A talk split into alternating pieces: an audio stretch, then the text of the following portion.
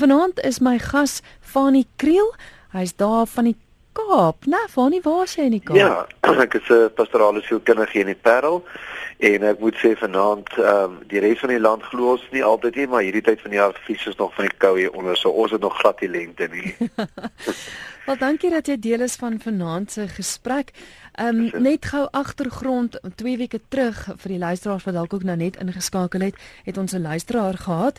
Uh, dit was Boela Swanepoel wat ons vertel het van die positiewe wonderlike aanneming wat hulle gehad het, besluit om twee kinders aan te neem en hy het gesels oor dat hulle van die begin af eerlik was met hulle kinders, die feit dat hulle wel aangeneem is en dat die kinders die dag kom en sê maar ons het 'n behoefte om ons biologiese ouers te ontmoet. Hy het hulle gehelp, hulle het hulle ontmoet en swerg sodat die seun se pa selfs op sy troue was en seremoniemeester was. En toe het ek 'n brief gekry van 'n luisteraar wat daarna vir my gesê het, ja, sy het nie so 'n positiewe ondervinding gehad toe sy geluister het na die program nie. So ons gesels oor die ander kant, want daar is 'n ander kant van aanneming. Maar ek dink Fanie, ek ek gaan begin met die brief dat die luisteraars ook die agtergrond kan kry. Ja. Ek het hom vir jou ook aangestuur, so dis 'n effe ja. van 'n verkorte weergawe, maar ek gaan gou lees wat die luisteraar laat weet het. Sy sê ek het gisteraand geluister na jou program oor aanneming. Ek is so jammer om te sê dat die gasspreker vir die aand my glad nie geroer het nie. In vele woorde was niks seggend. Daar word baie keer die gevoel gelaat dat aangenome kinders dankbaar moet wees dat hulle uitget kies is vir aanneming en dat dit 'n groot besluit vir die voorgenome ouers is. Dit mag dalk so wees, maar die kinders kan ongelukkig nooit die keuse van hulle voorgenome ouers maak nie en moet vat wat hulle kry. Aangenome ouers en die hele proses of kan die hele proses so prentjie mooi skilder. Maar vra vir baie aangenome kinders of hulle 'n goeie lewe gehad het by hulle nuwe ouerhuis en daar sal vele skrikwekkende stories uitkom. Nou ek self is amper 66 jaar oud en was saam met twee broers in 'n weeshuis gewees en later is elkeen van ons deur verskillende ouers aangeneem. Ek as die oudste kind van ons 3, die enigste dogter, het deur molestering van my aangenome pa tot loosings wat grens aan aanranding deur my aangenome ma deurgeloop. Drank het 'n groot probleem in die bogenoemde gespeel. Nou ek het my broer, die tweede oudste van ons 3, in die jare 70 ontmoet en glad nie met hom aanklank gevind nie en versoek dat ons nie weer kontak met mekaar moet hê nie. Iets waaroor ek glad nie spyt is nie.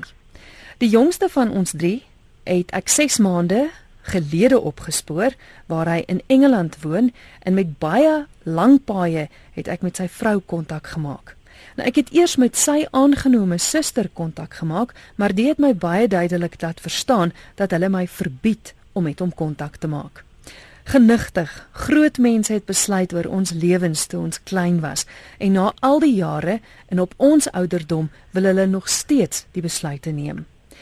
Iemand het vir hom op sy 21ste verjaardag genoem dat hy aangeneem is en dit was blykbaar die eerste keer dat hy daarvan bewus gemaak is en met navraag aan sy aangenome ma het sy hom duidelik laat verstaan dat sy vir hom oor haar dooie liggaam enige inligting sal gee.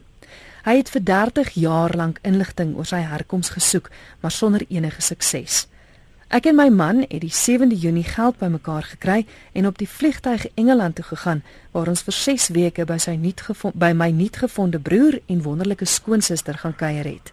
6 weke is nie genoeg om 62 jaar van skeiding op te vang nie, maar waar ek vanaand hier sit en vir jou skryf, breek my hart van verlange en met 'n beheerste teleurstellende gevoel wat groot mense aan kinders doen. Hy self het glad nie so 'n wonderlike lewe saam met sy aangenome ouers gehad nie. Jy sien Christel, kinders word nie altyd uit liefde gewek nie. Want sou dit so wees, sal daar met sorg aan hulle behoeftes gedink word. Sy sê aanneem ouers, julle is nie so spesiaal soos baie voorgee nie maar ag die kind wat aan jou toevertrou word as spesiaal. Daar is 'n lang brief, maar daar's 'n rede waarom ek hom gelees het van nie 'n klomp goeters daarin. Ek wil hê ons moet miskien dalk net begin deur om te sê daar's 'n baie groter prentjie van aanneming. Hierdie is regtig twee scenario's. Ons het Boela se wonderlike positiewe storie gehoor en die luisteraars se regtig hartseer lank pad. Aanneming is eintlik 'n baie groter prentjie, né? Ja. Dit is 'n baie groter prentjie en na aanleiding van die brief wat ek nou net gelees het, ek dink Christel moet 'n mens ek dink nie ons moet die met die keuse of hier sê maar dit is 'n of of nie. Ehm um, dit dit kan vir my 'n uh, meer en en wees. So wat ek daardie bedoel is dat daar's ook ouers wat hulle eie biologiese kinders het en grootmaak. Uh wat wat jy verskillende goed kan hoor. Uh, ons het die afgelope tyd in ons eie land, ehm um, jy weet in in in oor die nuus gehoor en daar is goed soos monsterhuise en daar's goed wat kinders verskillik goed aangedoen. So so gewone biologiese ouers kan dit ook aan hulle kinders doen en dan hmm. is kry weer biologiese ouers wat wonderlike ouers vir hulle kinders kan wees. So ehm um, en en dit is mos nie wat ons nou doen is vanaand om te kies vir die een kant of vir die twee kante. Ons en ek en ek respekteer en dit is my wonderlik dat jy ook die ander kant stel en dat jy dat ons luister na ons luisteraars. Ons sê maar daar's ook 'n ander kant van 'n storie. So kom ek gaan gou eh, 'n paar stappies terug en ek wil dit net bietjie breër maak herstel. Ehm um, daar was so lank in die mediese wêreld was daar 'n halfte gesprek of hierdie renasies of die verskille met mekaar oor wanneer wanneer begin lewe en en wanneer ehm um, kan 'n mens tot waar kan 'n mens nog 'n baba aborteer ehm um, en en wanneer begin lewe regtig is dit nou as die is daar bevrugting plaasvind dit van die begin af is daar is dit nou as daar 'n hartjie begin klop het is dit as die ehm um, daar sommige mense eers sien nee as die, die baba lewe buite die persoon of as daar 'n persoonlikheid ontwikkel.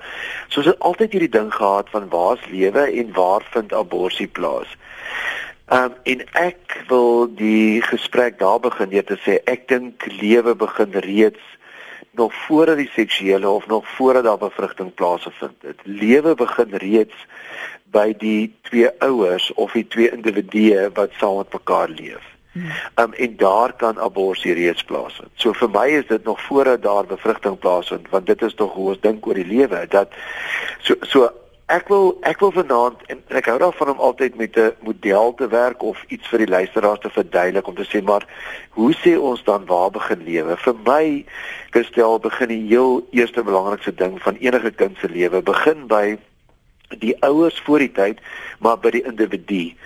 So vir my is daar 'n eerste fase in die lewe en dit is daar waar jy as individu met die lewe leef. Met ander woorde, en nou kan ons sê ja ja, maar die mens is nie gemaak om sy eie te leef nie. Mense is gemaak om 'n verhouding te leef.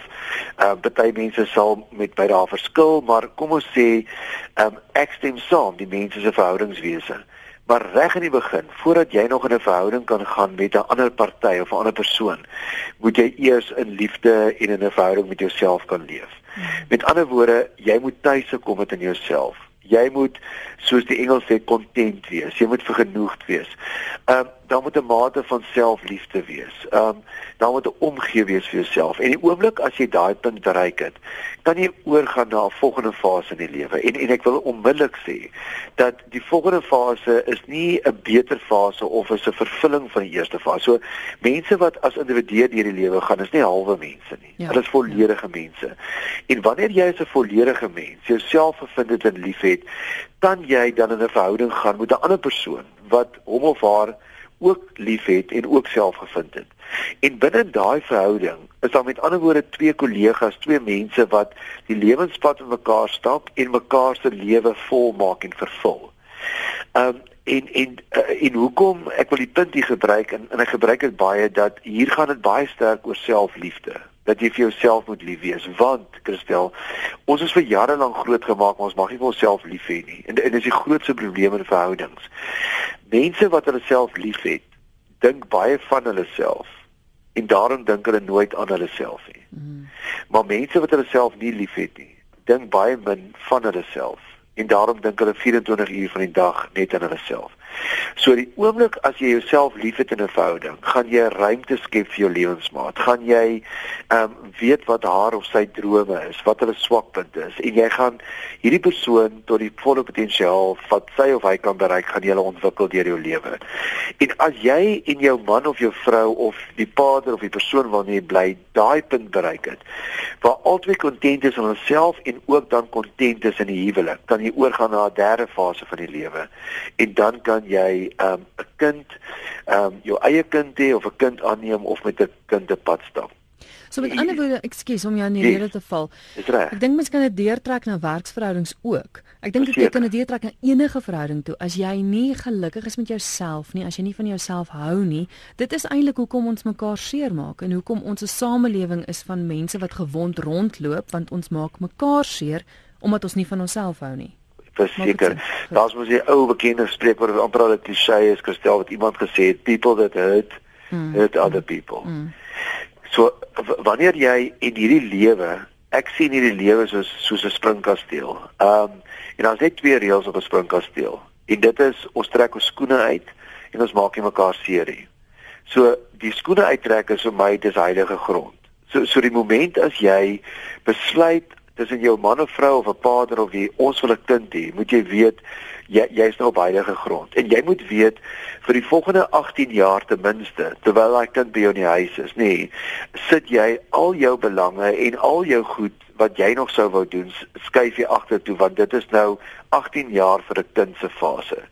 So ek sê altyd vir ouers, daar seker niks meer verkeerd om nog 'n besigheid te begin of of nog 'n graad te gaan leer of eh, eh, eh, so iets te doen of ver weg te werk van die huis af as jy moet nie. Um maar dis nie die ideaal nie want jy ontneem jy onttrek jou kinders se tyd en energie wat vir hulle moet gaan.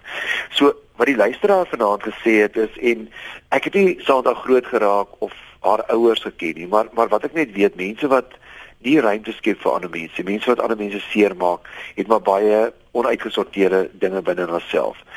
So vir my, as mens dan gaan kyk Christel vanaand na wat is die definisie van ouerskap? Uh, as as ons sê maar ons wil ons wil goeie ouers wees. Ehm um, jy moet nooit die die die vraag ehm uh, jy moet nooit dit verwar met te sê om ouers te wees beteken om jou eie kinders te hê nie. Ja. Is... Om ouers te wees beteken om om verantwoordelikheid te neem vir kinders. En en Christel, ek weet hierdie program gaan reg oor Suid-Afrika, so ek wil net 'n stapie terugneem. Daar is baie baie kinders in ons land op hierdie stadium wat goeie ouers nodig het. Ehm um, as individue, as biologiese ouers, maar ook in kollektiewe mate. Met ander woorde, iemand het ons eendag gesê, um it takes a street to raise a child and and not one home. So die oomblik as jy by 'n rugbyveld of by 'n hokkieveld of by 'n sportveld is en daar staan 'n kindjie of twee rond na die oefening en jy weet hierdie kind moet so baie lank vir sy ouers staan en wag of hy moet die taxi neem of op 'n manier om by die huis te kom. Is ouerskap op daai oomblik om te sê, hier's my foon, wil jy nie gou of jou mamma bel nie of wil jy nie gou of as daar 'n foon by die huis is en om dan te sê, kom ons tel gou vir jou op en ons gaan laai jou by die huis af. Ouerskap beteken om te sê wanneer ons op 'n ons span as op 'n toergroep gaan en daar's een van die kinders wat baie baie goed in uh uh, uh jy weet talentvol is, maar die die die kinders het nie die finansies nie. Hulle het nie die gepaste tekkies of 'n sweetpak om om as 'n span saam te klap of of as ouers te gaan en sien 'n paar twee of drie ander ouers wat invloedryk is of ek bedoel wat finansies het en sê kom ons support hierdie kind in die agtergrond en ons gee vir hom volledig wat hy nodig het. So ouerskap beteken dat in ons land is daar soveel kinders nê nee, wat goeie ouers nodig het, maar en dit is wat ek wil sê in terme van die laaste luisteraar, wat die laaste luisteraar uh, vir ons gesê die brief geskryf het. As jy 'n goeie ouer wil wees, moet jy 'n kind vat van waar hy is en die volle potensiaal in die kind laat ontwikkel. En jy moet hierdie kind volledig laat mens wees. Ons wil nie nog kinders in die samelewing instuur nie. Ons wil groot mense in die samelewing instuur. En daarom moet jy van die begin af weet wanneer jy ooit daai groot verantwoordelikheid in stap gaan neem om 'n kind aan te neem, om hierdie kind 'n nuwe vorming in die lewe te gee, moet jy uitgesorteer wees in jouself. En hmm. moet jy weet die omstandighede binne in jouself en waar jy woon is so gunstig dat hierdie kind net kan groei. Want dit is 'n reuse verantwoordelikheid gestel en is hartseer dat ons verhale soos hierdie lees waar waar soveel mense se lewens verwoes is. Maar dit is wanneer en ek ek wil nie nou na spesifieke mense verwys nie, na die beginsel. Dit is wanneer mense nie fase 1. Met ander woorde, kontent en liefdevol in hulself bereik het nie en ook dan nie fase 2 bereik het nie. En dat jy dink 'n kind gaan jou lewe kon volmaak of 'n kind is daar vir jou behoeftes, jou selfsugtige behoeftes, dan vind hierdie baie hartseer en pyn plaas as jy in die, in die begin eers uitgesorteer in jouself was nie. Fanny, is iemand wat vra hoekom gebeur dit so dikwels dat dat vroue baie meer genee is om aan te neem as as wat mans is. En, en mens hoor dit baie. Dis asof ja. ek weet ek weet van baie mense wat sê wel of ons neem 'n kind aan of die huwelik is verby. Um, ja. Hoekom vrouens spesifiek dink jy is omdat hulle gouer uitgesorteer is?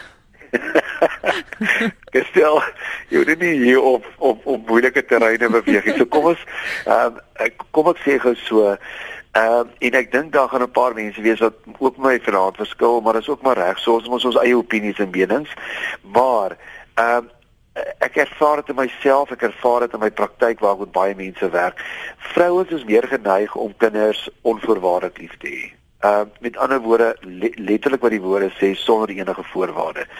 Want ja, so ek gaan nou dit op twee uh, pilare vir jou baseer. So die eerste pilaar waar ek wil praat is die onvoorwaardelikheid. Vrouens aanvaar kinders baie dikwels meer onvoorwaardelik omdat hulle ehm um, soort van die die baba gedra het of gekraam het van die begin af van die baba betrokke was en hierdie babatjie sien as ek sal my lewe vir die babatjie gee. So ek sal ek sal alles vir die baba en vrouens het dit net instinktief binne in hulle om hierdie baba net onvoorwaardelik lief te hê. Ek kry baie keer die ervarings dat mans uh, nie alle mans nie, maar sommige kere ook in goeie mans dat ons bietjie die kinders soms voorwaardelik aanvaar. So ehm um, ons is kwaai as die kamer nie aan die kant is nie of is is kwaai as die punte nie goed was nie of as die as die kind ehm um, se rapport nie goed gelyk het nie en as die kind nie goed op die sportveld presteer nie. So ons het maar so 'n bietjie van 'n verwagting. Die kind moet daarom, jy weet, eh, presteer en opstaan vir vir die verwagtinge wat ons het. So soms is dit van die paas af bietjie meer voorwaardelike liefde en aanvaarding en ma's onvoorwaardelik. So so ma's sal maklik sê ek sal 'n kind aanneem, maak nie saak wie hierdie kind of wat hierdie kind is nie, want vanuit my versorging sal ek hierdie kind versorg en ek sal ek sal daar wees. En nou kom ons by die tweede pilaar waar vrouens hulle baie meer sien as die versorgers van kinders. Met ander woorde, hulle skep 'n veilige hawe. Ehm uh, die kinders moet kan voel by ma is veilig, ma gee vir ons kos, ma gee vir ons 'n warm bed, ma versorg vir ons. En enige kind wat 'n mens aanneem, kan jy daai versorgingsrol inspeel. Die pa voel weer, hulle vat weer die kinders in die wêreld in van die veilige basis wat ma geskep het vir versorging en hulle hulle hulle hulle druk so bietjie teen die grense. So as ons by die by 'n rot staan waar ons afspring in die water sal pas, jy maar kom spring. Jy weet, moenie moenie so bang wees nie of uh, om gaan vir die ding of gaan oor see of ek dink jy moet gou vir hierdie hierdie uitdaging. So paas doen baie keer meer dit. En daarom sal die paas baie keer soort van ehm um, daar buite moet gaan funksioneer met hierdie kind en hulle is baie keer bang. Jy weet, gaan hierdie kind soort van aan my verwagtinge voldoen? Ehm um, alles alles bietjie onbekend oor 'n genetiese ding van die kinders. So so ma's is baie keer meer ek sal hierdie kind versorg en ek sal vir die kind onvoorwaardelik aanvaar ongeag wat die genetiese agtergrond is, ongeag wie die kind is. Pa's is so baie baie keer bietjie nee nee, ek wil my eie kinders hê. Ek wil ek wil half bietjie kan bepaal of weet wie die wie hierdie kind gaan wees wat ek gaan grootmaak. So ehm um, ag daar's verskillende, jy weet, onderskeidende renasies rondom dit, maar ek ek wil net hierdie twee goed uitgelig het. Hmm. Ons het redelik baie te doen met met gestremde kinders en hulle ouers en dis en is ook baie hartseer hoe dikwels mense sien dat die ma's daai kind alleen moet grootmaak omdat ja. die pa net eenvoudig verdwyn het en dit maak vir my sin nou wat jy sê is is ja. weer eens ek kom terug na die ma wat absoluut onvoorwaardelik aanvaar daai ja. klein lyfie of gebrek of wat dit ook al is dis my ja. kind en ek aanvaar die kind so terwyl ja. Ja, paas partykeer geneig is om bietjie weg te hardloop. Ja. ja. Of dan ook te sê maar ehm um, jy weet amper bietjie die voorwaardelikheid en jy kry wonderlike fas ek stel so maar maar die die ek ek kyk nou maar net in in, in ons eie ouere jy weet in die, ek en my vrou drie tieners wat ons grootmaak en uh, uh, baie keer sal ek jy weet man is nonsens. Jy hoef nie nou in, uit nog 'n bord uit nadat jy jou slaag geëet het die die pasta te eet nie. Ehm um, waar my vrou sê maar maar jy's nie altyd hier in die aande nie. Hy hy eet dit altyd so en ek ken hom so. Dit is wie my kind is. Verstaan jy so dis baie keer maar daai ding van die pa wat bietjie grense stel en kwaai is en sê man ek gaan nie hierdie nonsens toelaat nie. Of ma's wat in die winter vir hulle kinders uh, warm klere na die bed toe bring en of koffie dat hulle in bed aantrek. En 'n pa voel half nee maar my spanper lank nie seën so nie. Verstaan jy? So kom mm. kom stop hierdie nonsens. En en weet ek stel dis nie of of nie. Ek dink altyd daai rolle van pa se ma se versorging en warm liefde en koestering en pa wat die kind bietjie uitvat na die wêreld toe en die kind bietjie grense laat oorskry en sê maar kom kom ons gaan challenge bietjie die lewe. Ek dink altyd daai rolle is belangrik. So mens moet nie die een rol, jy weet, onderspeel met die ander rol nie. Ja, luister na geestesgesondheid en my gas is Fanie Kriel, hy's pastorale sielkundige daar van die Parel en uh, ons gesels oor die ander kant van aanneming. Jy's welkom om saam te gesels 34024 dis die SMS nommer. Dis 34024. Dit kos jou R1 of jy kan 'n e-pos stuur via ons webwerf rsg.co.za of skakel ateljee toe 089 1104553. Fanie het nou vroeër genoem dat dat die ma die een is wat wat onvoorwaardelik aanvaar. Sou jy sê dit is waarom die wonde baie maal so diep sny as as dit juis die ma is wat 'n kind verwerp of in die geval nou soos die luisteraar wat die brief geskryf het, die feit dat sy deur haar aanneem ma fisies aangerand is. Ja. Mens hoor dikwels dat daai daai pyn lê baie diep want dit is daai teleurstelling. Ja. Ek wil amper so ver gaan om vir jou sê dis seker een van die ehm uh, die die hartseerste dinge van van 'n samelewing. Ehm um, ek dink ek kan baie hartseer goed verwerk in die werk, maar ehm um, en ja, en ek wil dit nie net 'n ma noem nie, maar maar wanneer 'n biologiese pa of 'n biologiese ma nie vir hulle kinders liefhet en goed is en vir hulle ontwikkel tot waar hulle moet kom as as as mense. So kom ek ek gaan ek gaan 'n bietjie terapie terug gaan nee Christel. Hulle sê ehm um, die sielkundige sê of sielkundige sielkundige is dat die die die wonderlikste tyd wat jy in jou lewe kan beleef as 'n mens is die eerste 9 maande um, terwyl jou ma swanger is met jou. Kom ons kyk net gou 'n bietjie daaroor. Jy jy kry nooit koud nie, jy kry nooit warm nie. Ehm um, jy het nooit 'n groot nood nie. Jy is nooit honger nie. Jy voel uh, sielkundig goed. Jy voel nooit alleen nie. Jy voel nooit verwerp nie. Jy voel nooit bang nie. So dis die wonderlikste tyd wat 'n mens kan deurgaan. Is daai eerste 9 maande wat jou ma jou verwag. Dan sê hulle vir ons skeidingsangs uh, vind plaas uh die wonderlikste tyd in jou lewe word dan begrens deur die slegste tyd in jou lewe. Nee, ewe skielik dink net gou-gou vir 9 maande het jy in 'n bonneltjie in jou ma se maag gesit. Um ewe skielik beleef jy ruimte. As hulle keiser doen dan trek hulle jou taamlik vinnig daai uit jou ma uit mm. en hierdie babietjie dit voel vir jou soos wanneer jy met 'n valskerm uit 'n vliegtuig uitval.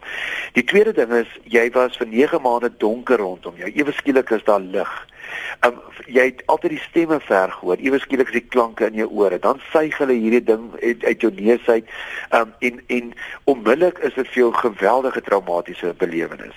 En dan kristel die eerste oomblik wanneer jy weer daai koestering voel van wat toe in jou ma se maag was, is wanneer jy hulle jou in die konversie toedraai en hulle jou aan jou ma se bors sit. En hierdie baba hoor weer die twee stemme wat hy vir of sy baie na lewe gehoor en dis ma en pa se stem. Jy is in die hospitaalkamer iewers, die die die baba drink, ehm um, hy is gekoester, hy's lekker toegedraai, dit is donkerig in die kamer en ma en pa is weer by hom. En in ons onderbewussyn sê ons vir ons hierdie is my veilige sekuriteit uh, dis my dakkie in die lewe. So as jy 'n huisie kan teken, um, pappa is die regterkant van die dakkie en mamma die linkerkant en ek is in hierdie huisie. So dis my veilige basis. En die kind sê vir homself, um, vir die res van my lewe, nee, ehm um, hoe gee ek nie meer om of enigiemand anders my lief is nie in ons onderbewussyn, want ons weet ma en pa sal altyd daar vir ons wees en vir ons ons lief wees. En dis 'n biologiese gegewe. Met ander woorde te stel of jy in Amazone bly of in Sydney of in Hillbrow of in die Parel, dit is so, dit is instink in ons dat ons ons kinders so liefhet en of hulle so goed is. Maar nou gebeur iets en is onverklaarbaar. Die kind se grootste vrees gebeur en dit is dat hy deur een van hierdie twee ouers verwerp word of deur beide. En daai verwerping kan plaasvind deur byvoorbeeld die dood van ouers, een van die ouers of beide ouers. Dan voel die kind half die die lewe het my verwerp of die lewe het my ingedoen. Daai verwerping kan wees um, deur egskeiding dat dat die kind byvoorbeeld op die ou end by een ouer moet gaan bly. Um en en dan gaan daai ouer ook miskien nog iemand ontmoet. So die kind ervaar 'n tweede verwerping vir alles dit vinnig op die e-, egskeiding plaasvind.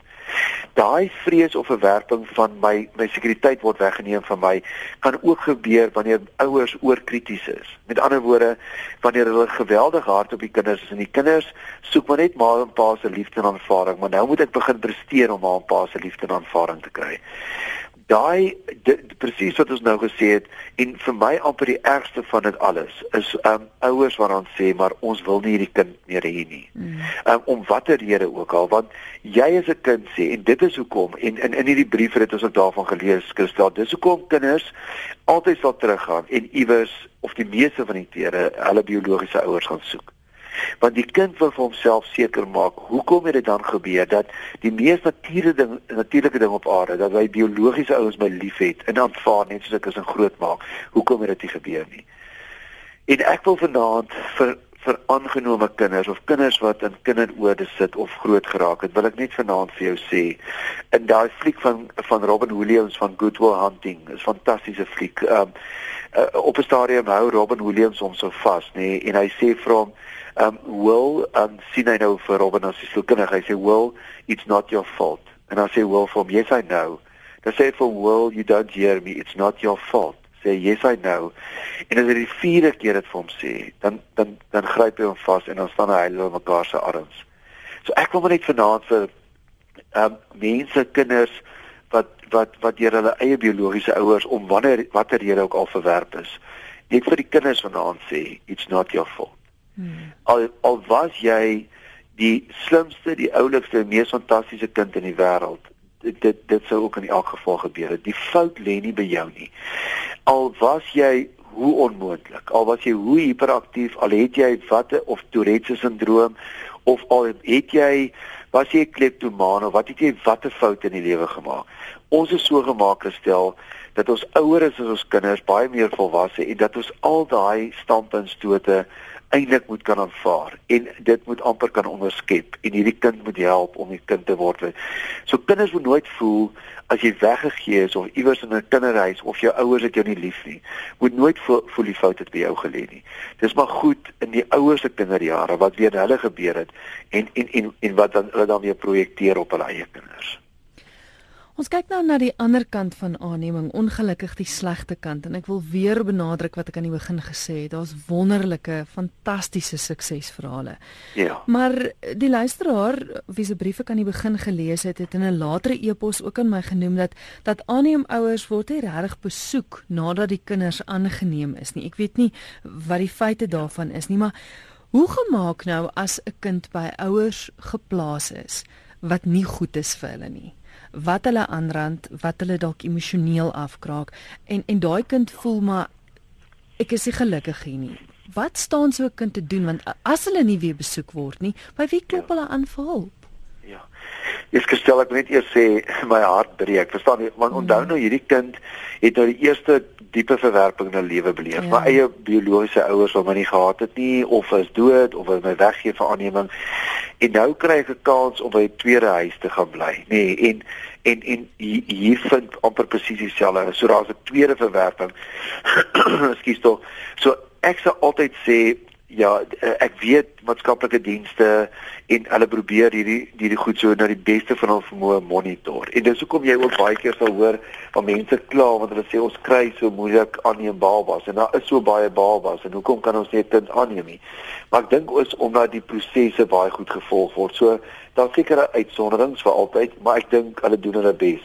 So so ek sou sê sulke kinders moet altyd gemonitor word. Ehm um, sulke kinders moet ek sou amper sê nie net by hulle ouers nie, want dit is maar so 'n ding van ons sit die beste voetjie voor as jy weet die sielkundige of welsyn of wie ook al hier kom.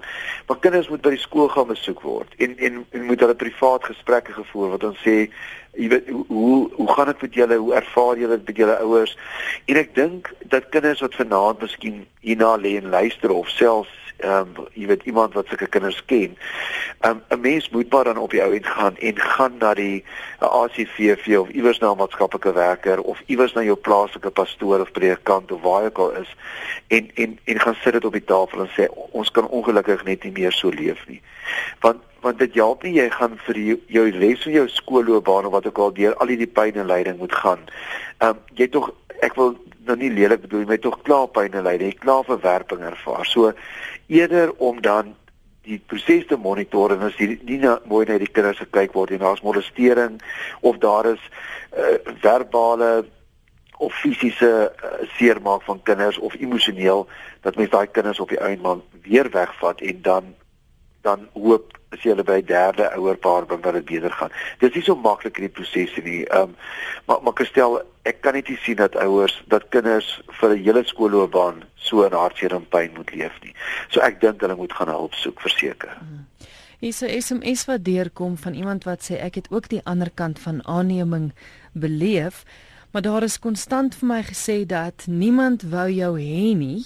Ons het jou gevat en dat uh, ja, as ons jou gaan teruggee, gaan niemand jou weer wil hê nie. Daai absolute emosionele afpersing. Afbaar. Ja, hmm. absoluut en dit is absolute manipulering want die woord lê in jou. Niemand wil jou hê nie, toe vat ons maar vir jou. Nou as 'n mens 'n klein babatjie of jy's in die laerskool of so, is daar nog nie regtig 'n jou nie. As jy hoor wat ek wil sê, die die persoon die identiteit het nog nie ontwikkel nie. So hierdie persoon het 'n SMS gestuur, ek net weet weer eens dat dit nie om oor hom of haar gegaan nie. Want want hulle kon nog nie kies nie. So as niemand dit is net nie waar dat niemand hierdie kind wou hê nie, want um niemand het tog daarvan geweet nie of niemand het aangeklop vir die aanneming nie. Want want ouers kan uh, kyk nie na goed soos is kindertjies um, is hulle is hulle oorgewig of is hulle mooi of is hulle uh, watter kleur hulle is as jy regtig lief is vir kinders en soos ek in die begin gesê het en jy wil kinders aanneem en, en kinders se lewe beter maak gaan jy in elk geval enige kind vat so uh, sy, sy moenie laat uh, ouers of hy moenie laat die ouers op hierdie punt uh, manipuleer nie. Ehm um, ouers wat vir kinders liefhet, vat enige kinders en maak kinders groot. So ehm um, dit is net nie waar dat daar nie iemand anders hierdie kind was nie. Miskien nie op 'n praktiese oomblik, daai oomblik nie, maar dit sy moenie dit verder glo nie. Nog 'n SMS wat sê wat van 'n man wat sê as daar gepraat word van aanneming, ek sal nie 'n ander man se kind kan lief hê en grootmaak nie en die vrou wat smag met haar hele lyf na daardie sagte lyfie in haar arms. Wat doen mens in so 'n geval? En dis presies die punt wat ek mos nou voor ja. gemaak het dat mans uh, dis altyd die ander man of man ek gaan nie daai kind of die hun kind grootmaak maar eie kind en wat die vrou net sê maar ek het net hierdie ongelooflike behoefte om 'n baba of 'n kind te hê. Gestel dit dit moet weer eens by daai fase 2 dat moet by die ouers self begin. So jy hulle gaan in gesprek met mekaar moet gaan. En ek dink belangrik om vir die luisteraar te sê, sy moet vir hom gaan verduidelik dat sy het 'n ingebore as vroue ingebore behoefte en ek sien nie alle vrouens nie maar sy het dit om 'n baba te hê om 'n kind vas te hou om en en dat dat haar hele lewe amper vir haar jy weet in 'n sekere opsig geïnhibeer gaan word of nou ware gaan voel as sy nie 'n kind het om groot te maak nie. En dat sy vir hom haar hart verduidelik en verduidelik hoe sy binne voel. Net eers dit, net eers die emosies verduidelik. En sy moet nie dan vir hom sê so wanneer en watter planne nie. En dan kan sy dit weer vir hom gaan sê. Net vir hom sê maar hoe voel sy en en hoe belangrik dit is vir haar om 'n baba te hê as vir haar as mens. En dit weer eens net daar te los. En dan op 'n derde slag met hom gaan self sê, weet jy kan ons nie iewers ehm um, kan ons nie maar daaraan dink nie. En dat dat dat sy hom nie sal druk in die prosesse nie, want uh, jy mens dit nie nodig om iemand nou te druk nie, maar dat 'n mens sê ehm um, kom ons probeer nog self vir ons eie baba, kom ons gaan en ek weet nie wat die persoon se mediese rekord of wat hulle omstandighede is nie, maar kom ons gaan kyk vir vir infertiliteit of bevrugting vir ons eie baba. Maar kom ons begin nou gesels oor 'n aanneembare en ons hoef dit nie nou te doen nie, maar ek wil net jy jy moet eers my hart hoor. Ons moet net eers hier ook kan gesels. En dan mettertyd hoop ek maar vir die persoon se onthaalwe dat die ander persoon sal begin dink daaroor en dan moet 'n mens maar verstaan jy as jy hoop en bid en sê maar uh, mag daar iewers 'n baba of 'n geval oor ons pad kom wat ons nie noodwendig deur 'n kinderoort of deur die welsyn of so van gehoor het, maar miskien iemand wat oorlede is of naby vriende of iemand dit weet van 'n kind en dat dat ons op so 'n manier nader of meer bekendheid met die kind werf en op so 'n manier dit probeer doen. Ja, dis natuurlik 'n ander storie ook, né? Ek dink nou net aan as jy peetouers verstaan as jy by hulle opeindig. Ehm um, ja. baie maal is dit ook met teesin wil nie noodwendig die kinders hê nie. Daar's die plek vir nog kinders nie. Ja. Uh, weer eens verwerping. Ek het pas my ma pa dalk verloor en nou beland ek in 'n gesin waar ek ook nie eintlik welkom voel of is nie. Dis reg. Jy wil 'n praktiese raad gee. Dis stel ek dink dit is belangrik vir 'n mens om as jy kinders het om te gaan na baie baie goeie vriende vir jou. Hoef nie noodwendig familie te wees nie, kan familie wees of baie goeie vriende en dan dan moet hierdie persoon 'n gesprek te tree. So weet jy ek het hierdie drie kinders en maar jy hou hulle mos op dop. Jy kan mos ons sien hierdie mense is goed vir hulle kinders, hulle enorme waarde is jy is hulle is lief en goed vir jou kinders ook. En dan vra jy vir hulle, kan ek in my testament dit beskryf dat as ek en my vrou of ek en my man te sterwe kom dat sal julle sorg dra vir ons kinders. Met ander woorde, die finansies wat wat daar is en hulle versorg tot en waar dit nodig is. Dat mense dit voor die tyd met so 'n gesin gaan reël en moet hulle dit bespreek. Dis wat ek en my vrou gedoen het. Ons het ons beste vriende het ons uh, in ons testament beskryf en gesê die die aand want jy kry baie keer gestel nou nou is twee ouers dood in 'n ongeluk en nou nou sit hier twee drie kindertjies en uh, en dis 'n getoutrekkery haar maale wat die kinders vat of sy maale mm. of daar's 'n sussie of 'n tannie of daar's vriende wat sê nee nee ons wil na die kinders kyk en op die ou end skeer jy daai gesin nog meer in in in, in stukke. So my aanbeveling is altyd dat mense dit voor die tyd uitmaak dat jy dit in jou testament beskryf en ook vir vir jou kinders sê as ons vanaand iets oorkom, dan bel jy hulle vir oom en tannie so en jy gaan na hulle toe.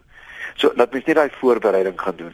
En dan Christel, ja, dit is jy weet mense kan nooit al is dit jou eie jy maak jou eie kinders groot of dit nou aanneem ouers is of peet ouers of wat ook al, jy kry ongelukkig goeie verhale en jy kry hartseer verhale. Mm. Maar ek wil vanaand 'n beroep doen op almal wat luister dat 'n mens meer kinders wat sommer net by jou kom speel of by jou kom braai by jou ehm um, dat jy sal belangstel in hulle. Jong, ek hoor jy het so goeie hokkiewedstryd gespeel. Kom vertel eers vir oom. En dat ons meer vir kinders sal omgee want kinders is so weerloos en en hulle dis vir hulle so wonderlik om nie net ma en pa wat my lief is nie, maar ook ander ooms en tannies. Um en daarom kan jy ook byvoorbeeld sien nou maar jou jou broer of vriende van julle het kindertjies aangeneem dat jy ook vir daai kinders nog 'n stel ouers het uh, uh, is en vir hulle af en toe oornaai kom slaap by ons kom slaap bietjie by ons kinders en dat jy vir hulle nog 'n gesin skep. So ek wil die hele tyd hierdie ding hê wat ek vanaand wil sê is kom ons skep huise vir kinders en kom ons raak ouers vir die kinders van Suid-Afrika en ons fokus nie net op sekere kinders nie. Dit is my baie belangrik. Joh, ek kon nie vir 'n beter einde gevra het nie. Ons is hoeka aan die einde van die program, maar dankie Jan. Ek dink dit som op daai definisie van ouerskap wat jy aan die begin gegee het ook. Ja. Is dat dat ons regtig ouers moet wees vir meer as net ons eie kinders. Dis verseker so. Ja. Fanny, baie dankie vir die gesels. Kan luisteraars jou kontak? Ja. Hulle kan my kontak uh via e-pos. My e-posadres is fanny@strooidak ehm um, thatch roof in in, in Engels eh, by strooidak.co.za. Baie dankie en 'n lieflike week verder. Dankie mooi aan vir jou gestel. Dit is 'n uh, Fanie Kriel met wie ek gesels het. Hy's eintlik dokter Fanie Kriel, maar hy sê vir my hy hou nie daarvan as mense dit vir hom sê nie. Hy's pastorale sielkundige daar van die Parel en vanaand het ons gesels oor die ander kant van aanneming. Net weer Fanie se kontakbesonderhede, Fanie by strooidak.co.za www.rsg.co.za